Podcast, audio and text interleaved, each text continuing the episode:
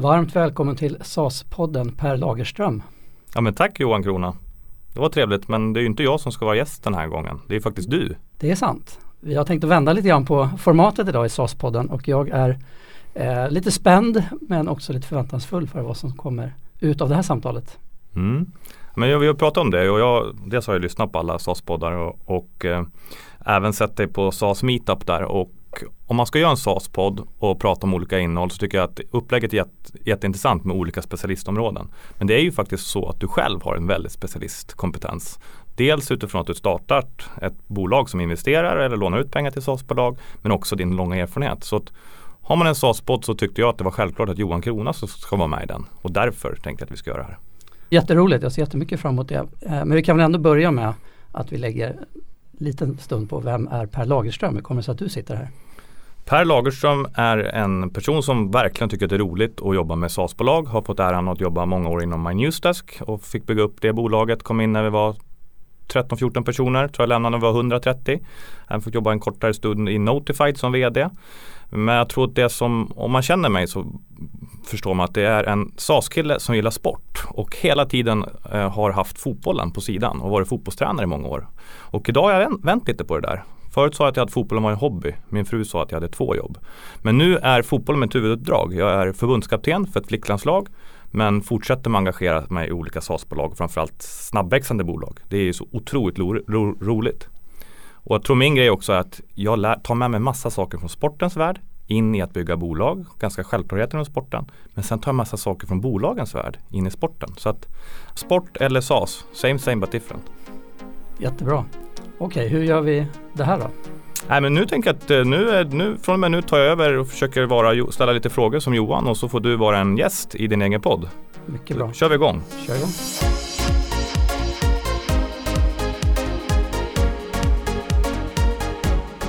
Du är ju huvudpersonen här men jag tycker ändå vi ska börja lite. Johan Krona, alltså när jag var på SAS Meetup så säger man Mr SAS till dig. Vad, vad tror du det, varför säger man det? Ska vi ta det tillbaka liksom? Nej men det börjar väl någonstans kanske från 2010 när jag började och fick förmånen att starta på Alminvest och investera i små startups.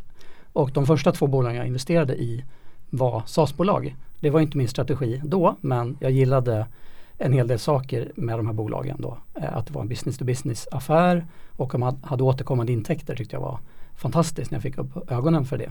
Så sen började jag ju leta efter den typen av investeringar i liksom dealflowet som fanns på Almi. Så att det blev en röd tråd, även om jag gjorde andra investeringar också på Almi-tiden. Så var det en röd tråd. Och eh, då fick, såg jag också ganska snart en utmaning och möjlighet kring personerna i de här bolagen letar ju andra som sitter med liknande utmaningar. Man vill ha inspiration, man vill ha best practice, man vill göra benchmark. Så jag satt ju väldigt mycket och gjorde, mejlade att du borde träffa den här och du borde träffa den här och när jag sprang på någon som var duktig på något så kan inte du komma och hjälpa det här bolaget, jag vet att de letar en bra marknadsföringserfarenhet till exempel. Men det där skalar ganska dåligt och det blir väldigt mycket mail och, och, och det här var inte eh, perfekta setupen så då eh, fick jag den här idén. Jag hade haft lite kontakt med framförallt eh, Björn, Emil och Jonathan på Kundo och vi hade pratat om, ska man inte starta en, ett nätverk för SAS-personer? Eh, så vi drog igång det där eh, och i 2013 hade vi vår första meetup där Lukas Dusko från Scrive kom och pratade om product market fit. Eh, och jag tror att eh, vi hade sju anmälda. Som tur var kom en newsdesk med ett stort gäng sent anmälda sista minuten så vi blev väl en 15 personer. På den vägen är den här SAS meetup-gruppen då som nu vi har haft ett 20-tal träffar under de åren.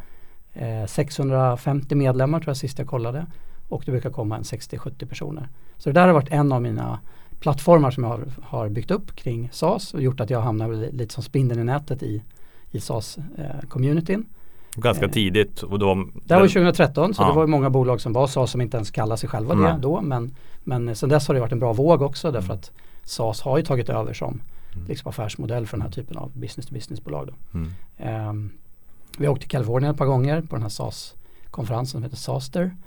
Eh, och eh, vi har kört SAS-podden och nu har jag stå, eh, startat Cloud Capital sedan knappt tre år tillbaks som ju bara gör SAS. Mm. Som vi ska åka till, återkomma till här. Ja. Så då förstår man lite ändå Mr SAS här. Mm. Mm. Och, och eh, du sitter också i ett antal styrelser inom SAS-bolag. Bara så att vi ja, reder ut det. Exakt. Hur många då? Kommer du ihåg det nu? Det är ganska många. På rak arm är det nog eh, sex stycken. Ja. Det har ju varit en, delvis var det ju eh, något som kom med att jag slutade på Alminvest. Mm. Så fick jag en förfrågan från några bolag, skulle du vilja hoppa in här och hjälpa oss i, i styrelsenivån.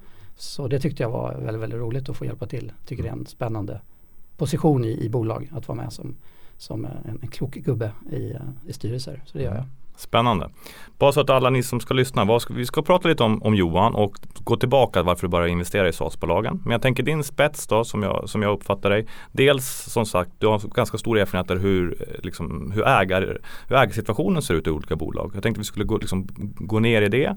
Även styrelsesammansättning, hur man kan jobba som styrelse, två spetsdelar. Såklart att vi behöver spännande att bygga bolag. Du bygger Cloud Capital, vi behöver gå in där. Och sen tänker jag att vi avslutar med ändå, det här är någon form av säsongsavslutning på SAS-podden. Mm. Där jag skulle säga, så om vi kan sammanfatta vad du har tagit med dig inom liksom de här avsnitten du har träffat. Men också kanske alla de här meetupen. Och det, det blir en utmaning, men det är tanken med det här programmet. Låter kanon. Ja, Jättebra. strålande. Men du, vi, vi tar ändå tillbaka till Almin Väst. För att du, du kände, man pratade kanske inte om SAS då. Men ändå var, gjorde de de två första investeringarna. Som du sa, vad var det som du liksom hittade och varför blev det just de två bolagen? Jag tror att det var, det var en eh, kombination av att bo, när man investerar i tidig fas så eh, tar alltid pengarna slut. Så att de här bolagen man investerar i och man har en plan eh, så ganska snart så hamnar man i en situation då som, som bolag och som investerare och ägare att så här, vi behöver mer pengar.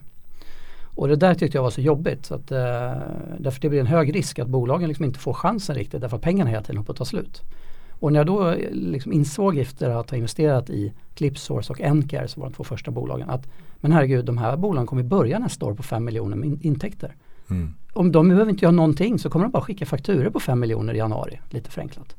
Vi kan ju planera, vi kan göra en budget redan i november med ungefär vad vi vill göra nästa år. Och vi kommer antagligen sälja lika mycket som vi sålde i år så att i slutet av året kanske vi har 7 miljoner i omsättning eller 10.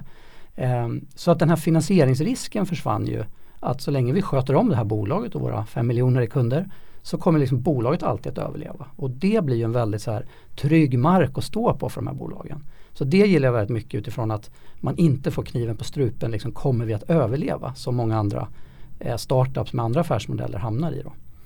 Och sen tror jag det andra som gick upp för mig där ganska snabbt det var ju Eh, jag är väl en relativt analytisk person så att när man då börjar benchmarka bolagen så ser man ju liksom alla de här häftiga nyckeltalen och man kan börja sätta sig in i effektivitetsmått och annat. Och då insåg jag så här, men herregud, de här är ju rätt förutsägbara i vilka intäkter jag kommer få in. Alltså du har ju en, en förutsägbarhet i din uppskalning när du väl har börjat få lite kunder. Du börjar se kontraktsstorlekar, du börjar se säljcykeln, du börjar se vilka, hur det kostar att skaffa en ny kund. Och då kan du liksom matematiskt med ganska god precision säga att ja, nästa år kommer vi gå från 5 till 10 miljoner i omsättning om vi gör ungefär de här satsningarna. Så man kan vara ganska datadriven och liksom, man behöver inte sitta och chansa med väldigt stora konferensintervall. Liksom var hamnar vi nästa år? Utan det blir lite mer, man bygger sten för sten, man bygger på den här abonnemangsbasen. Så jag tror att kombinationen så här, bolagen kommer att överleva och det finns en lite mer förutsägbart sätt att växa dem det var någonting som jag tyckte väldigt, väldigt mycket om och det vill jag jobba mer med. Mm. De hypoteserna då, alltså att bolagen kommer att överleva och att de får ständig tillväxt. Liksom, det, blev det så? Det du trodde när du såg på de nyckeltalen, är det din erfarenhet? Man säger att det är förutbestämt. Kan man liksom stämma det om man tittar på många bolag? Ja, men jag, jag tycker nog det att eh, om man ska dra något så här grovt rättesnöre så när bolagen har kommit upp emot 5-10 miljoner i, i årsabonnemang då har man liksom gjort det svåraste. Mm. Alltså då har du liksom knäckt det i de flesta fall. Du har någon början på product market fit, den kan ändras, det finns kanske lite kvar att göra. Men det handlar mer om att hitta då en bra skadmodell och den kanske inte alltid är perfekt på 10 miljoner i, i, i AR då, eller abonnemang. Men, men det, det svåraste är liksom gjort när du har, därför du har liksom knäckt en leverans till en kund, du har gjort en kund nöjd, du har gjort att kunden betalar, du får kunden att stanna. Du har eh, kanske medarbetare som kan sälja dina saker utan att du är den här eh, grymma grundaren som kan sälja liksom, is till Eskimoer utan du har börjat bygga ut skalbarheten genom personer i ditt team. Och sådär. Så ja, jag tycker att det finns en, en stor, en stark korrelation däremellan. Mm. Vi ska fortsätta grotta ner oss i det. Men du var på Almi Invest, du investerade i olika typer, en hel del SAS-bolag. Mm. Du startade SAS Meetup. Mm.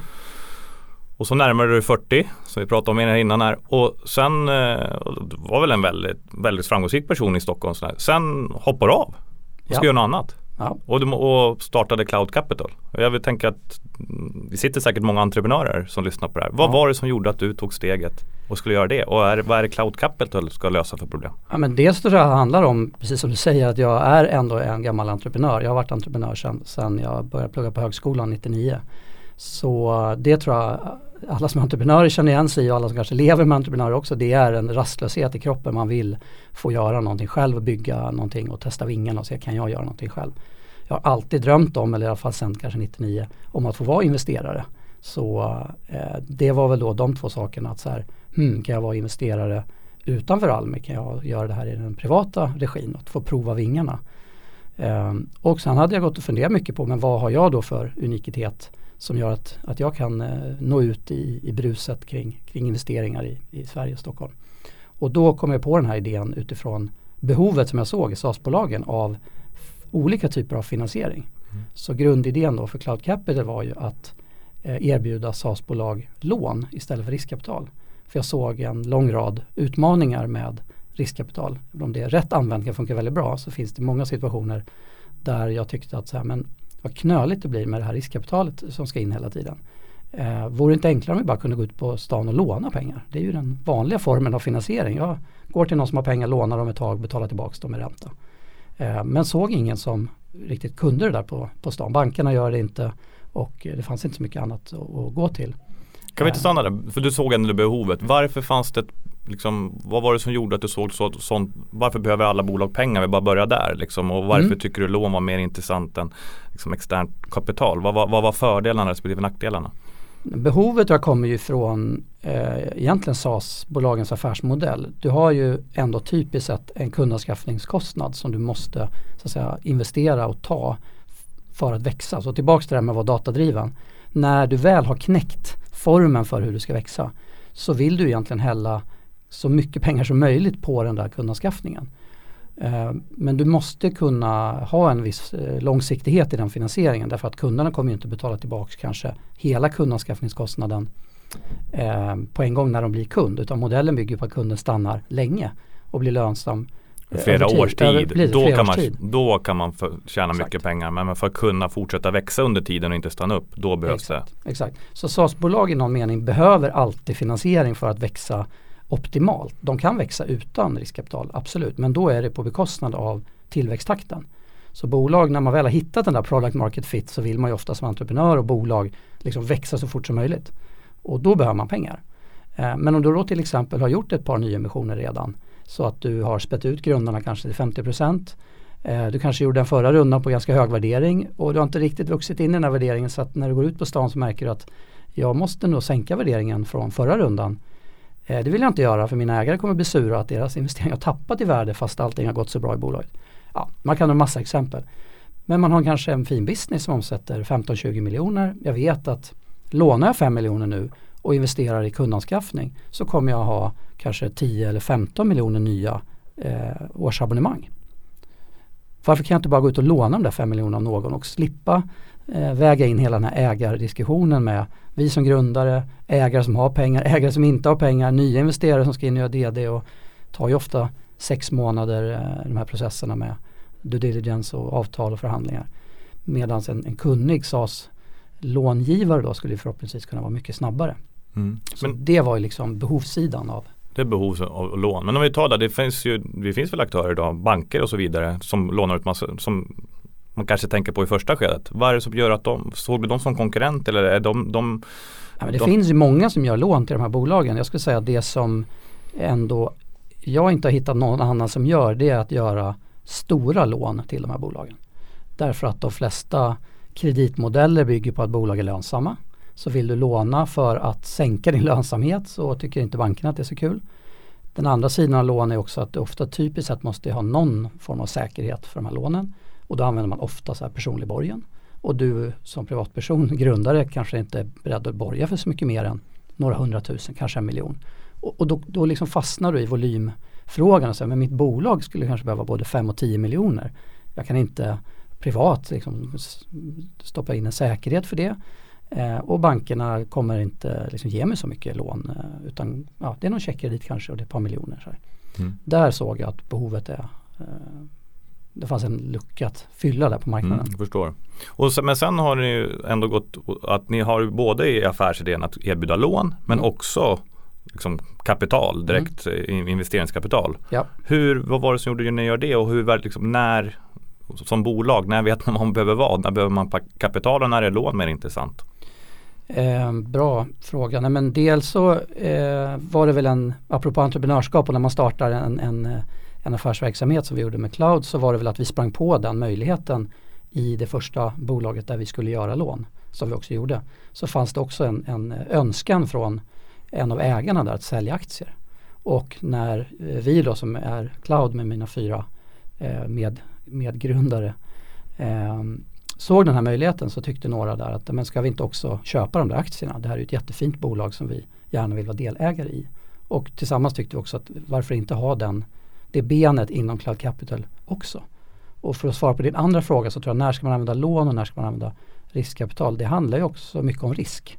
Alltså riskkapital är ju väldigt bra när, när man får in det därför att det eh, ska inte lämnas tillbaks. Utan du kan använda alla pengarna till att göra mer eller mindre riskfyllda satsningar i ditt bolag. Och värdet skapas ju av att aktien förhoppningsvis blir mer värd eh, om några år än vad den var när investeraren köpte den. Ett lån handlar ju ändå lite mer om lägre risk därför att jag också ska kunna betala tillbaks lånet. Eh, men lånet är ju mycket billigare för entreprenören eftersom den inte behöver dela med sig av några andelar i bolaget. Så eh, ja, där är väl de två viktigaste skillnaderna. Att riskkapital dyrare men är mer liksom raketbränsle. Lån billigare man måste vara lite mer försiktig. Eh, men rätt använt då så, så skapar det mycket värde för ägarna som får in det här bränslet i bolaget utan att bli utspädda. Jag tänkte att vi skulle gå vidare till olika ägarfrågor. För dels kanske sitter ägare som lyssnar. Kanske sitter folk som vill ha massa ägare eller sitter massa entreprenörer. Och din erfarenhet både då idag från cloud men även från Almi och den tiden men även de styrelser du sitter i. Alltså om, om man bara pratar om Liksom, hur, hur, ser du på liksom, ägarfrågan i bolag? Liksom, hur, mm. hur, resonerar du kring den? Vad är viktigt? Vad finns det för risker och hur tycker du bolag ska tänka? Men jag tror en insikt jag har fått från de här åren, inte minst som jag lärde mig i början på Almi, är ju att man, jag slogs av ganska snabbt att ägarkonstellationen, ägarbalansen och, och så vidare påverkar ett bolag mycket mer än vad man kanske från början tror. Så det tycker jag är en viktig lärdom som jag har tagit med mig och som jag tror att många eh, lär sig efterhand och som jag hoppas att entreprenörer tänker på tidigt innan de blir för många ägare. Mm. Okej, okay, på vilket sätt liksom? Det är nyfiken. Var, hur kan det, varför påverkar det så pass mycket mer än vad man tror? Ja, men till exempel om man eh, inte har eh, sorterat ut förväntningar på sitt ägande. Att man kanske har olika tidsperspektiv på hur länge vill jag vara ägare i det här? Eller vilken typ av risk ska vi ta? Så kan man ju till exempel hamna i en situation där du har investerare som vill att bolag ska bli lönsamt. Men där grundarna vill växa så fort det bara går, investera allt de kan få tag på i tillväxt. Och då om de här olika krafterna så att möts då till exempel i ett styrelserum så kommer bolaget behöva lägga ganska mycket energi på att bara bli överens om ska vi bli lönsamma eller ska vi växa fort. Eh, och det kan ju vara så enkelt som att man inte pratade om det innan investeringen eller att det har gått några år och man har inte uppdaterat sin ägar, gemensamma ägarvilja eh, och ägarplan tänker att det finns olika faser. Att man kanske tar in någon form av ägare i en tidig fas och sen finns det någon fas. Finns, är det olika sätt att tänka olika delar liksom i bolagets utveckling? Eller hur, hur, hur, tänker, hur har du ja, men en, ägare där? Eh, nej, men eh, en aspekt är väl eh, då att ta in ägare som förstår den fasen som bolaget är i. Alltså den typiska resan är väl ändå att den första, de första investeringsrundorna så, så är det ju mer av privatpersoner och kallar dem affärsänglar Eh, lite familj och nära nätverk som investerar. Eh, därför att då är risken så otroligt hög och ofta är beloppen ganska små eh, vanligtvis. Och då är det den typen av kapital man kan eh, attrahera. I takt med att bolagen blir mer mogna så är de ju mer värdefulla, mer eh, eh lättare att attrahera större kapital. Och då kan man ju också gå till kanske mer systematiska investerare som har liksom fonder eller institutionella på olika sätt. Mm vi kan ändå reda ut det där tror jag för många som är ny, nyfikna. Vad, vad, ser du för, liksom, vad ser du för typ av olika ägare? Vi tar, vad, vad, finns det liksom att välja mellan? Om vi bara börjar reda ut det. Liksom, vad är de vanligaste liksom, ägarkonstellationerna? Jag tror en typ, av, en typ av skillnad mellan olika ägare som man kan fundera på i början det är just den här som jag nämnde innan att eh, är det ägare som är intresserade av att satsa väldigt stort och ta hög risk Eller är det ägare som är mer, eh, lite mer riskaverta och eh, som kanske blir stressade om de märker att nu är min investering på väg att eh, gå om intet. Så det är en, en, tycker jag ändå, eh, försöka lista ut det som entreprenör. Att vad, vad fick jag nu med mig för investerare här? Är de här okej okay med att vi tar ganska hög risk och satsar på att bli stora? Eh, men det kan också gå fel. Eller är det här en investerare som mer går och väntar på sig Eh, att vi ska börja dela ut pengar om tre fyra år och eh, bolag ska vara lönsamt och kanske inte göra fler investeringsrunder till exempel. Det kan, kan ju vara en, en sån Eh, att en investerare kanske inte är benägen att investera mer pengar än en gång i ett bolag och kommer då kanske hålla tillbaks hela tiden från att göra ytterligare finansieringar. Så det är väl på om vi säger, ängelsidan så finns det den typen av, av eh, skillnader. Om vi går, flyttar upp lite i värdekedjan och tittar på mer fonder och venture capital-fonder och, och, varianter på det så där finns det också väldigt olika, alla försöker hitta sin nisch så att säga. Då. Och där har du ju allt ifrån de här väldigt stora fonderna som vill investera i typ Spotify och iSettle som går för att de tycker inte att någonting är riktigt intressant om det inte kan bli värt kanske 10 miljarder eller helst 100 miljarder. Det är väldigt få bolag som passar för det. Men den typen av investerare kommer gå för extrema risktaganden. Därför att om man lyckas så kan bolag bli värt typ 10 miljarder och uppåt. Men de är också helt okej okay i sin modell med att bolag faktiskt misslyckas och en del i portföljen kommer bara bli noll i deras eh, resultat. Och eh, då får man förstå att det kommer påverka ägarviljan i det bolaget att nu har vi en ägare som vill att vi liksom go big or go home. Eh, passar vissa bolag, Izettle eh, är väl ett exempel på där det gick hela vägen till en 20 miljarders exit och, och det är hatten av till de investerarna. Det var en bra avkastning då också då? De har nog tjänat väldigt bra med pengar. Så tog de hög risk så att mm. de måste ju tjäna bra med pengar men, men det är ju såklart verkligen rocket ship som måste varit superhäftigt att vara med på både som grundare och investerare och anställda.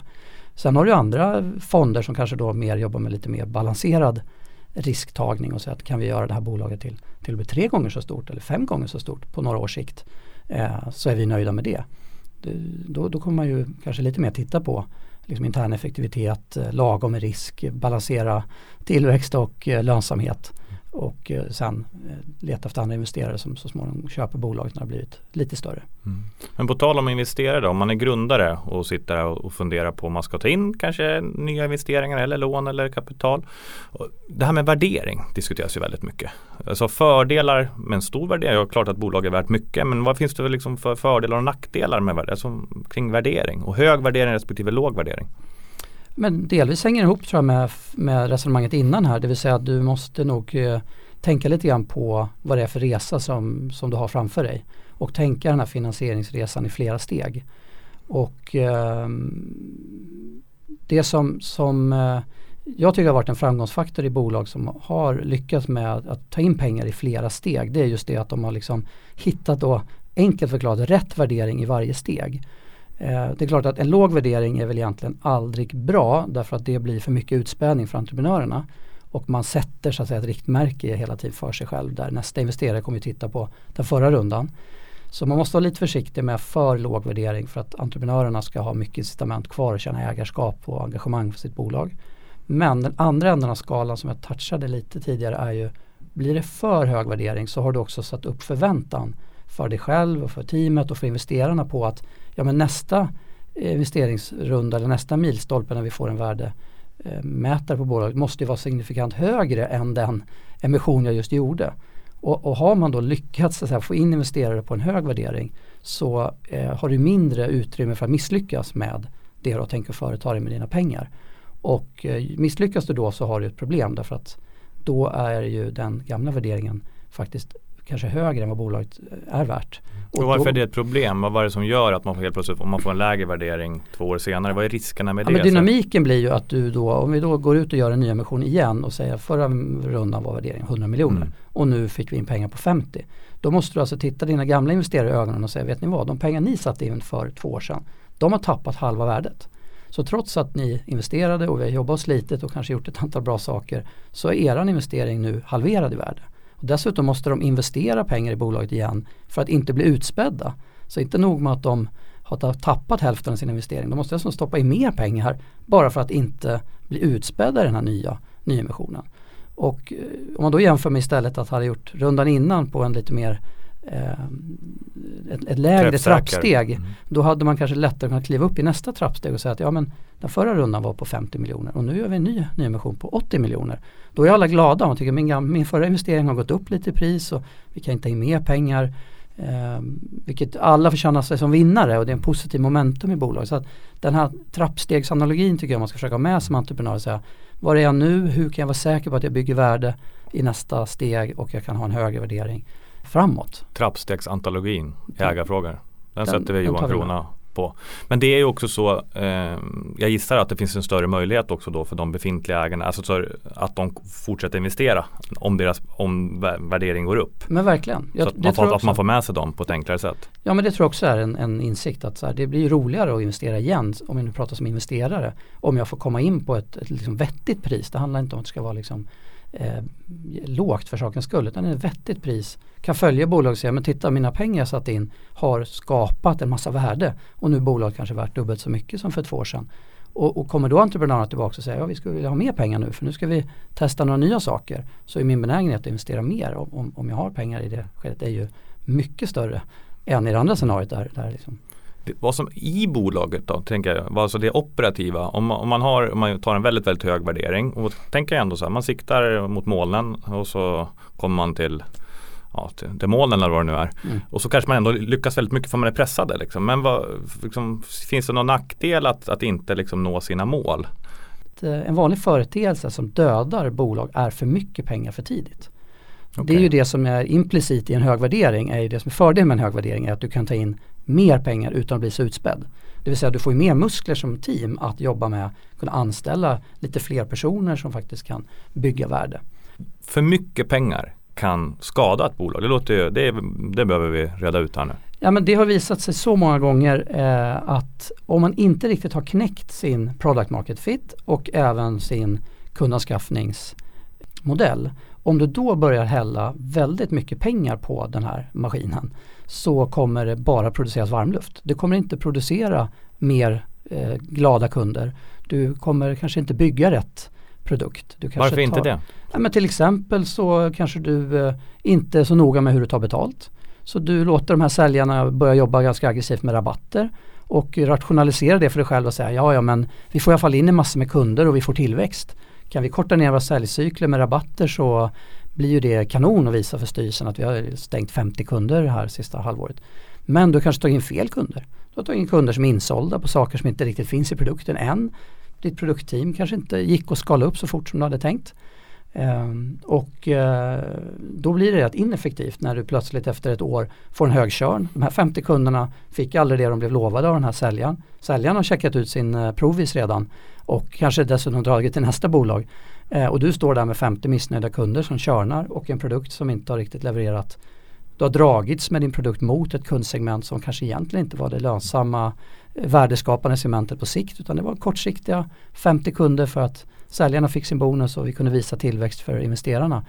Men när man börjar liksom syna bolaget lite djupare så ser man att de här kunderna är missnöjda, produkten levererar inte det värdet. Vi har fått en missmatch mellan produkt och kund. Eh, vi lyckas inte skala mer, vi kan inte bara sätta in fem säljare till. Därför vi kommer bara återupprepa samma problem igen. Eh, så det är väl ett, som ett exempelscenario som vi har sett många gånger i bolag som får lite för mycket pengar. Att de har inte riktigt satt alla sina processer. De har inte riktigt byggt färdigt maskinen eller, eller bilen vad vi ska använda för eh, liknelse. Och, och trycker in liksom raketbränsle i en halvfärdigt byggd bil då är det större risk att den exploderar än att den får någon fart framåt. Jag förstår. För, men risken åt andra hållet då? Du sa att lägga för låg värdering för, förutom att man blir utspädd. Men finns det andra risker med den eh, låga värderingen? Ja, du får inte, du får inte maximal investering kanske. Eller finns det någon, liksom, händer någonting annat? Ja, men jag tror bolaget? att många bolag slits med att såklart att, att eh, någonstans blir det lite stegfunktionen då i de här bolagen. Att man, ska man ta sig från en fas till en annan så måste man ha lite pengar på banken för att kunna göra liksom, investeringar. Det kan ju vara att anställa en väldigt duktig, eh, några duktiga säljare eller sin första säljchef eller lite vassa utvecklare eller några som är bra på, på online-marknadsföring. Och, och allting går inte att skala upp i samma takt som intäkterna kommer. Om man då dessutom gör liksom små finansieringar så gör det liksom varken från eller till utan anställa till exempel ett duktigt team så måste de ju kanske få ett år eller helst kanske två för att komma in och börja jobba och se effekter och lära sig och, och, och för bolaget att ta liksom nästa steg i sin utveckling och bli mer skalbara till exempel. Och då blir ju för lite pengar blir liksom varken hacket eller malet. Det, det kommer in lite pengar men vi kan egentligen inte göra så stor skillnad. Så det är nackdelen med att ta in för lite pengar och, och vara liksom för snål då, som entreprenör eller investerare med, med låg värdering. Att man liksom, det blir mer skedmatning än, mm. än investeringar. Och jag vet ju också om att tala att inte ta in pengar alls, bootstrap. Jag vet ju att ni Cloud, ni har investerat i bolag som har, som har varit bootstrap hela vägen och sen ta in pengar. Vad är för fördel, vad ser du för fördel att, liksom, att kanske inte ta in och, och att kunna klara sig på det? Vad är... ja, men en stor fördel är väl det att de har ju tvung, blivit tvungna att säkerställa att de levererar värde i sin produkt och ta bra betalt. Eftersom de har levt på kundintäkter så blir det också det de har blivit duktiga på. De har varit duktiga på att prioritera vad vi ska bygga. Vi är duktiga på att prioritera att vi tar in rätt kund så att den stannar. Eftersom SAS bygger på att kunden stannar åtminstone några år, gärna 5-10. Och eh, det skapar en disciplin på hur man använder pengarna, hur man prioriterar, att man verkligen satsar på det som ger störst effekt.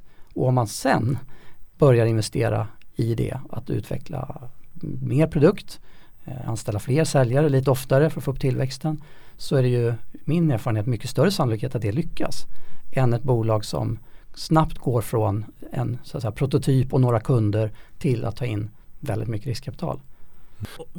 Liksom, finns det någon sån här magisk formel eller något, något magiskt läge i bolagen? N när är man redo att ta in pengar och när är man redo att ta in eventuellt mycket pengar? Liksom, hur resonerar du kring det? Du får väl peta om du vill ha mer noggranna svar men ett steg att tänka tycker jag är om det är före eller efter product market fit. Och jag tycker att en så tydlig definition på product market fit, eh, eller tydlig, men en, en, definition som kanske är inte så tydlig men, men eh, det är väl att man känner att det är enormt mycket flaskhalsar. Att man har så mycket intresse i bolagets produkter så att kunderna sliter grejerna ur händerna på en. Och man har fullt sjå att serva alla kunder som vill ha ens tjänst eller produkt. Man skulle kunna anställa både två, tre, fyra och fem säljare för att tillgodose behovet. När man känner det, eh, om man nu har en säljmodell på det sättet, då eh, skulle jag säga att då klarar bolaget sannolikt av mycket mer pengar än vad du tror. Och med det sagt då, andra änden av skalan, när man inte är där än utan man fortfarande liksom vrider och vänder och testar olika priser och tjänster, vad man levererar, hur man säljer och paketerar. Och när man är i den här kreativa fasen som är innan man hittar product market fit då ska man nog vara lite försiktig med att vara ett för stort team, att ha dragit på sig för mycket kostnader utan hålla sig ganska lean med då kanske en grundare som säljer, några som bygger produkt och, och kanske någon som tar hand om de kunder som kommer in. Men ett team på fyra, fem personer. Och sen kan den där fasen ibland ta två år, fyra år, sex år.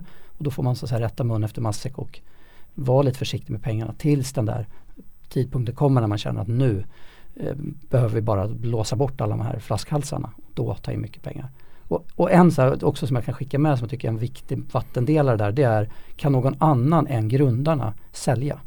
Det tycker jag är en så mm. kvalitativ milstolpe. När man har en ny person som man har anställt från, från stan som kommer in och börjar sälja eh, de här sakerna som inte är grundare. Varför är det en skillnad tycker du? Ja, men grundarna är ofta väldigt duktiga på marknaden, de är duktiga på alla invändningar, de kan sin produkt, de är väldigt kreativa så de kan eh, liksom sitta ner med kunden och säga, har du har egentligen det här problemet, vet du vad, det kan vi knäcka på det här sättet. Alltså det är en mer kreativ sälj medan att få någon annan att sälja en, en SaaS-tjänst, då handlar det ofta mer om här är liksom eh, value proposition, här är kundens behov ska se ut ungefär så här, kvalificerar vi eh, de här featuresen ska du marknadsföra på det här sättet. Du ska, liksom, priset är det här, leveransen går till på det här sättet. Så här argumenterar vi för värde. Allt det där finns ändå mer eller mindre. Därför att en säljare som inte är grundare kommer inte lyckas om den inte får i alla fall en del av en playbook. Men det behöver ofta inte en grundare utan den säljer på liksom, engagemang och jävlar anamma och liksom att man är briljant i ett möte. Jätteintressant. När en person som inte är grundare lyckas sälja en tjänst då, då är det någonting som är rätt i bolaget. Exakt. Ni investerar i SaaS-bolag, det finns många andra bolag som investerar i SaaS-bolag.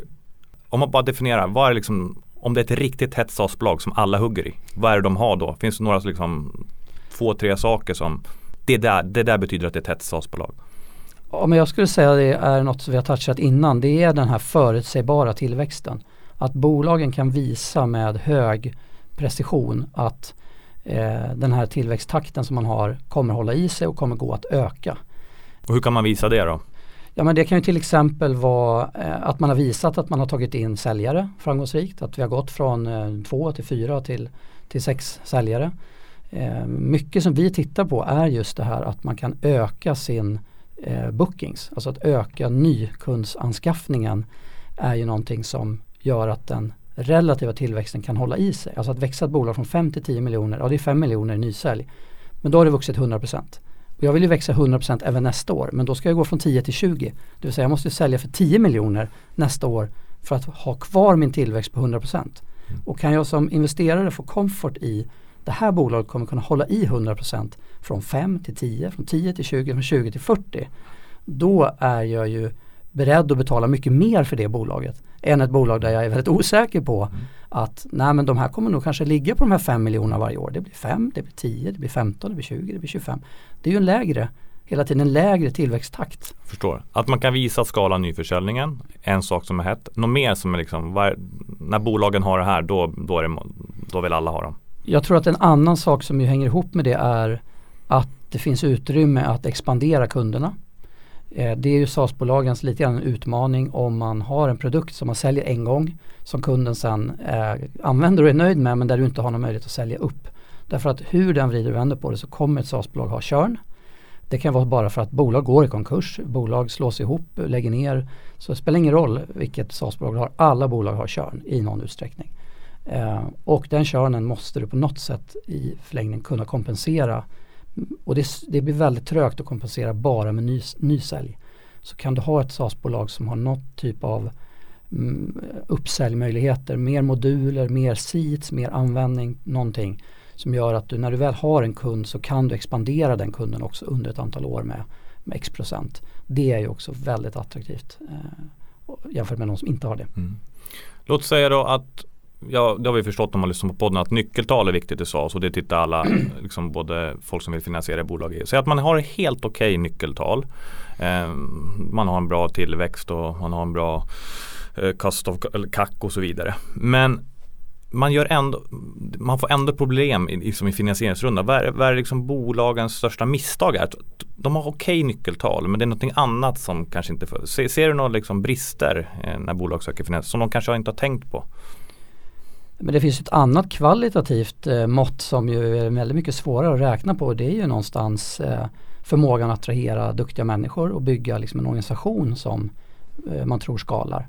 Det är väl en, en sak som inte går att mäta riktigt men som kommer synas i siffrorna eh, längre fram i bolagets utveckling om de inte får till det. Men ehm, så, så, att, liksom att börja jobba med några nyckelpersoner i bolaget. Att gå ifrån den här lilla tajta eh, gruppen där man kan sitta i ett rum 8-10 personer och alla känner till allt och, och, alla på något sätt är med i ledningsgruppen. Till att gå från att bli liksom 20, 30, 40 och faktiskt börja ha några mellanchefer och kanske en ledningsgrupp. Och där tror jag eh, en del bolag som inte har kommit till den fasen än eh, underskattar hur svårt det där är och eh, liksom drar bara sina SAS nyckeltal med ett rakt streck ut i förlängningen i ett Excel-ark och säger ja vi växer med 80% nu så att om tre år kommer vi ha liksom 72,5 miljoner i arr. Mm. Men någonstans här börjar ni ju behöva göra lite andra saker som en del bolag kanske inte ens har tänkt på utan det har bara blivit en matematisk formel, deras expansionsplan.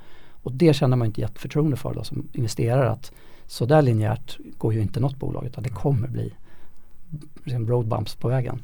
Vi ska gå in och snudda lite på eftersom du sitter um, i en antal styrelser. Jag vet, det är en ganska omdebatterad fråga. Behö när behöver man ha en styrelse och när ska det vara bara grundarna som startar bolaget och kanske någon ägare och när ska det vara extern? Liksom, vad, vi börjar med det. Behövs det styrelser i bolag? Förutom att rent legalt behövs det. Men liksom, när behöver man tänka och lägga tid på en styrelse? Jag tror vi kan använda ramverket lite grann det här product market fit. Så om jag skulle vara tvungen att ha ett tydligt råd så ska jag säga innan du har product market fit så kan man och ska nog ha en väldigt liten styrelse och det kanske bara ska vara grundarna. Och det är klart, har du gjort någon investeringsrunda med lite Friends and Family och någon affärsängel så, så, så möjligtvis låt en person då från, den, från det gänget vara med i styrelsen. Därför att det du vinner på det är väl att du börjar ändå så professionalisera bolaget lite grann och få isär det här med att det blir ägarfrågor, styrelsefrågor, operativa frågor i ett och samma möte som det lätt blir när man bara är, är eh, grundare. Så det är ingen självklarhet att sätta in alla, liksom de första ägarna i en styrelse och säga att nu har vi er med i styrelsen också. Utan man ska tänka till lite där. Absolut, därför att jag, en, en lärdom jag har dragit de här åren är ju att, att styrelse är ju precis som vilken arbetsgrupp som helst. Det är, kräver liksom ett systematiskt jobb för att få ihop det här till ett fungerande team. Och det är ju lite olika människor med olika eh, infallsvinklar och erfarenheter och, och funktioner eh, som, som möts i den här styrelsen. Och, och, det är en utmaning eftersom styrelser typiskt sett möts ganska sällan så det är svårt att skapa ett bra arbetsklimat. Men, men att bara per automatik ta liksom ett gäng ägare och sätta in dem i styrelsen är ju inte något, så bygger man inte team i, i något annat sammanhang utan, eh, och det ska man inte göra i styrelsen heller. Nej. Jag tror att det kan se ut så en hel del styrelser ja. har förstått. Men så att egentligen så att när, när, bolaget håller på att hitta sin, liksom, söker sin plats på marknaden, det är så ständig förändring. Då, då bör man kanske inte liksom, fokusera speciellt mycket på styrelsen utan det är så mycket som händer operativt i bolaget. Ja, och precis. Och ha lagom ambitionsnivå om, om man nu har någon i styrelsen. Att också ha tagit den diskussionen att här, vi är i den här fasen. Det finns ju bra personer för den fasen som styrelse.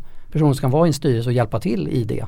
Men, eh, men eh, och de styrelser jag har erfarenhet där, då är det ju mer av väldigt kreativt problemlösning, eh, workshops, jobba med de här frågorna runt hur hittar vi product market fit snarare än liksom, ja, har vi nått säljmålen för kvartalet och, och vad liksom var körnen och, och, hur går det med eh, skatten betald. Liksom. Det, det, det är klart styrelsen har ett ansvar för de här enligt aktiebolagslagen, governance-frågorna. Men det kan man ju städa av ganska snabbt om man är en duktig styrelse på, på nästan på distans.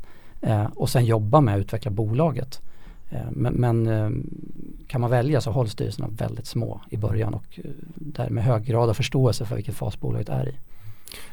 Om, om vi tar sen då, när tycker du liksom att styrelsen, att det är viktigt liksom att det är en välfungerande styrelse där, där styrelsen kan göra skillnad? Vad är det för typ av skillnad de ska kunna göra i bolag? Liksom? Var, var, varför, finns det, varför behövs det finnas en bra styrelse? Jag men om, om, man städar bort den här frågan kring, kring governance, för det finns ju ändå, det är ju basen ändå till styrelsen finns, det är aktiebolagslagen och det är en massa saker som styrelsen måste ha koll på. Så är ju det så att säga, man vill få till i ett aktiebolag med en styrelse som är, är, är liksom en stark trend de sista 10-20 åren, det är ju att hjälpa till med utveckling av företaget. Och att typiskt sett hjälpa entreprenörerna och, och, och teamet som jobbar dag till dag att hålla blicken långt fram. Så dels att liksom det här vi kallar då strategiskt, att liksom är vi på väg åt rätt håll på två, tre års sikt. Där eh, tycker jag man har sett många gånger i styrelser vad bra det blir när det finns några som faktiskt inte är fast i det dagliga. Det andra så är ju att man kan genom styrelsen attrahera eh, väldig spetskompetens. Så där tycker jag också att det finns en stor poäng i att addera då eh, förmågor, erfarenheter, spets till ett bolag kan komma in och göra nyckelinsatser genom sin styrelseroll. Tänkte bli en topp tre, Johans topp tre. Först behåll blicken långt fram, kunna attrahera spetskompetens utan att behöva anställa, kunna få in det i ett bolag i det skedet. Väldigt dyrt. Sista tips för, för att det ska bli en välfungerande styrelse, vad, vad behöver den mer innehålla? Ja men det måste vara någon engagerad eh, ägare och jag man vill ha någon som har skin in the game utöver entreprenörerna. Som faktiskt eh, tänker på det här bolaget kanske varje morgon när det mm, går upp och, och eh, är liksom insatt, eh, pratar med vd ofta, kanske åker och hälsar på bolaget och känner av pulsen, finns där för allehanda problem. Jag har sett en hel del styrelser där man kanske har en tre, fyra väldigt namnkunniga personer i styrelsen men du vet alla har investerat liksom 100 000 kronor, alla äger en halv procent var alla har andra grejer som de tänker på är mycket viktigare än det här lilla bolaget. Och, och när entreprenörerna mejlar och säger jag behöver hjälp med det här så är det ingen som svarar. Det har jag sett några gånger i, i mejltrådar man är med i styrelser att liksom, varför är det ingen som men då inser man att det är ingen som riktigt har någon skin in the game här. Alla är små ägare som tycker att någon annan borde ta tag i det där. Bra, då har vi topp tre. Då tar vi en grej. Det här blir svårt för dig. Men det finns ju otaliga styrelser som lägger timmar på styrelsemöten med väldigt kompetenta människor när man tittar på de här bolagen. Är det liksom någon don't, liksom något så vanligt misstag som du liksom upplever att så här, oh, det, där, det där är så ineffektivt i en styrelse. Där, varför gör vi så där? Vi borde, vi borde sluta eller vi borde hantera det på något sätt i styrelsen.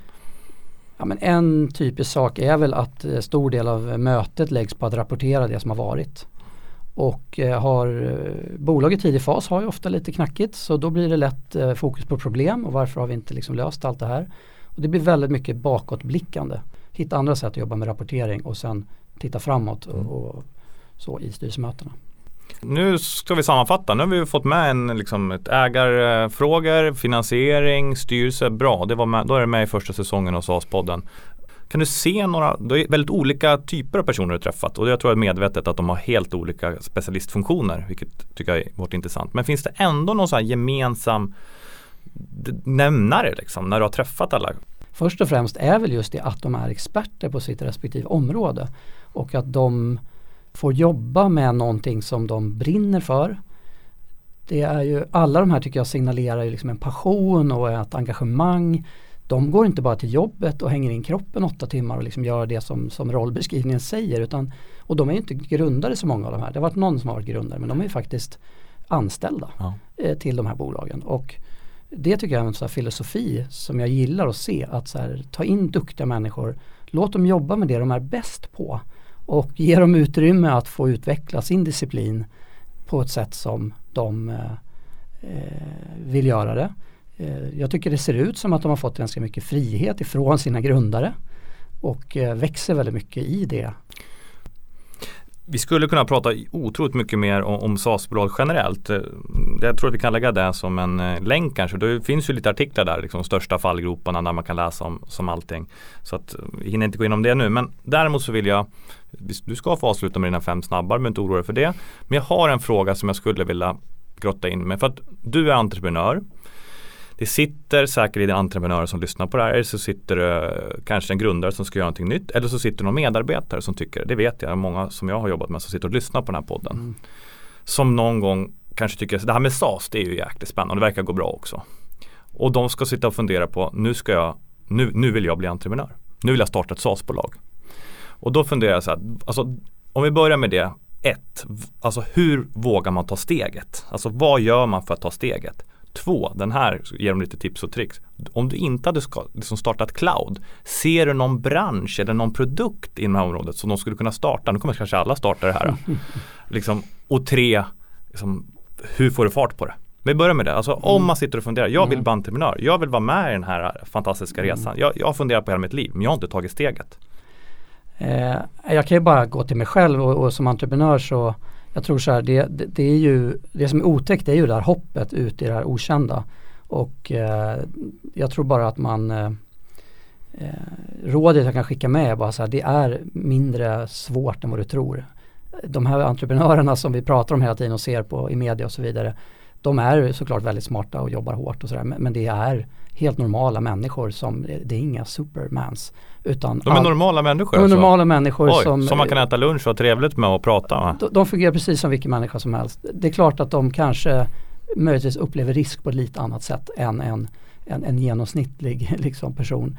Men det är nog bara det. Så att eh, tveka liksom inte utan bara göra det där hoppet och eh, det löser sig alltid på andra sidan på något sätt. Att, eh, det är väl mitt råd bara att, att köra, liksom. det, det löser sig. Det är bra, då ska man köra. Men nu ska vi då titta på din branscherfarenhet mm. här.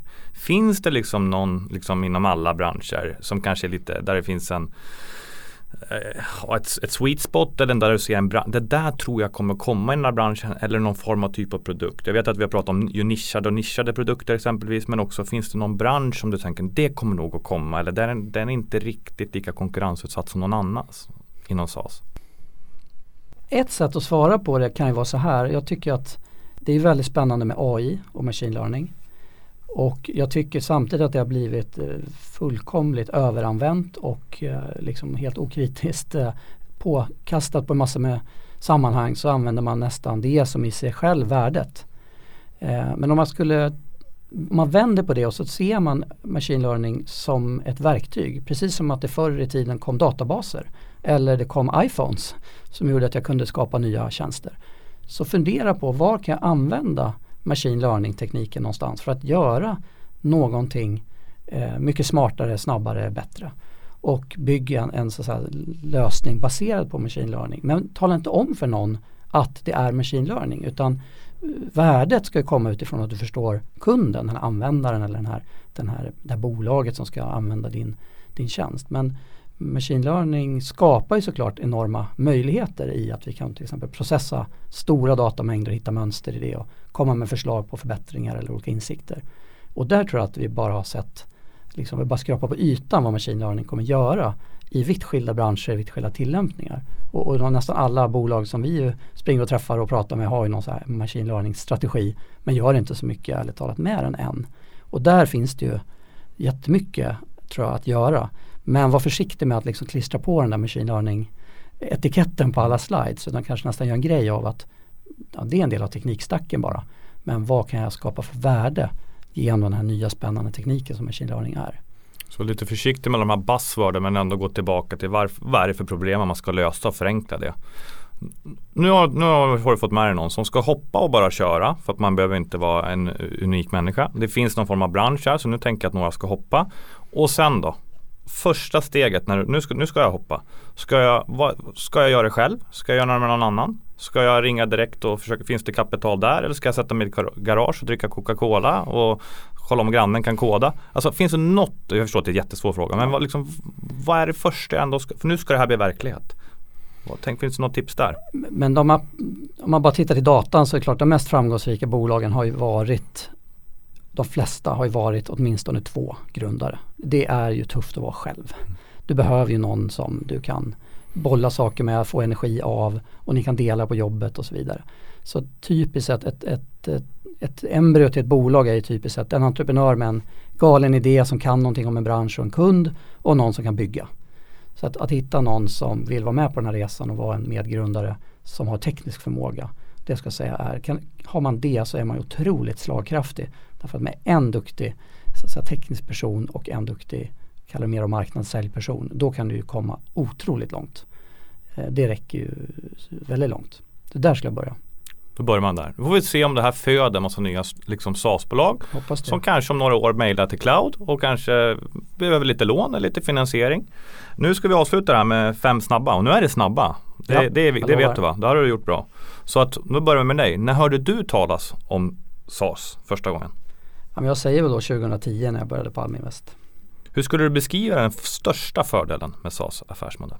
Ja, men då tar jag det som några har sagt på SAS-podden och det tycker jag är den här ärligheten med kunden. Att du måste ligga nära kunden och du måste leverera värde hela tiden till kunderna. Därför att då får du det här återkommande kassaflödet som ju är liksom investerarens eh, starka drivkraft att investera med bolagen.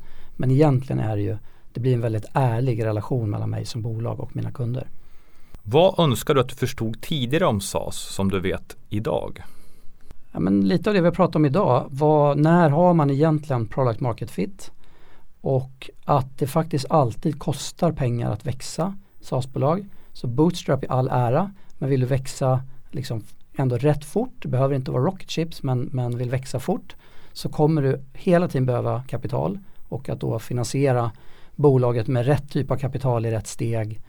Ja, vilken är de bästa SaaS-produkterna som du använder till vardags? Google-sviten som, som eh, med, med Gmail och, och, Google Drive och kalender och det här det om det kostar 50 eller 60 kronor i månaden och sen har du liksom en Enterprise eh, på kvalitet och funktionalitet när man då startar cloud så det första jag signade upp var liksom Google Suite vad det heter nu men det, det är, fan, det är magiskt.